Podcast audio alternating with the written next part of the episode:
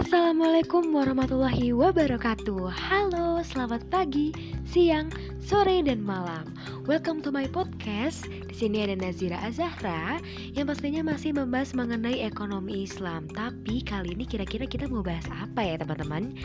Kali ini kita akan sama-sama mendiskusikan mengenai salah satu permasalahan ekonomi makro yang menjadi salah satu permasalahan penting di Indonesia.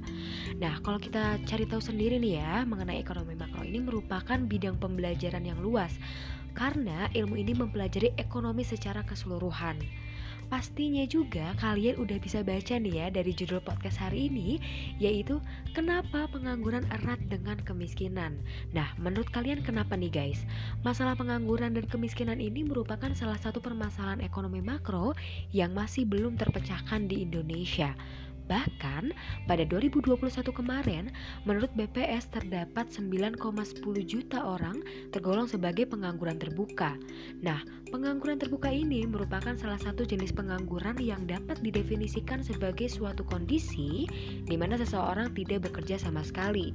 Dan salah satu permasalahan ekonomi makro yang tidak dapat dihindari ini adalah semakin banyaknya pengangguran yang ada di Indonesia.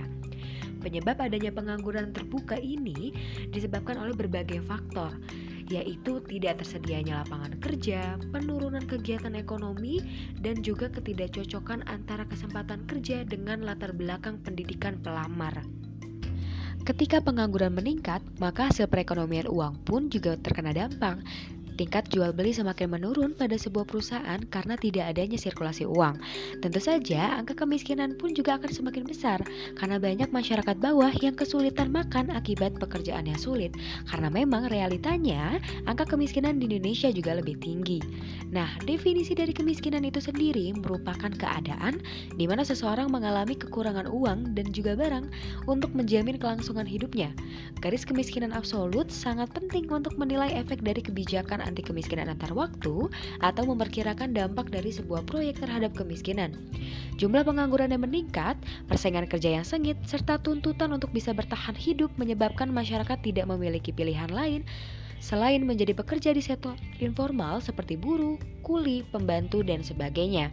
Tentu saja hal tersebut menjadi pemicu kemiskinan karena masyarakat tidak mampu memenuhi kebutuhan dasarnya seperti sandang, pangan, papan, kesehatan, dan juga pendidikan.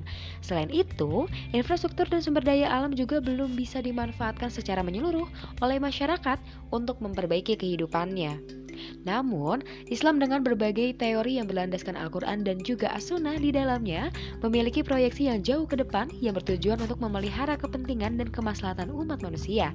Islam telah menghadirkan solusi untuk memberantas kemiskinan melalui zakat, di mana zakat ini merupakan salah satu solusi untuk meretas permasalahan kesenjangan sosial ekonomi dan juga kemiskinan melalui sistem pendistribusian harta secara merata.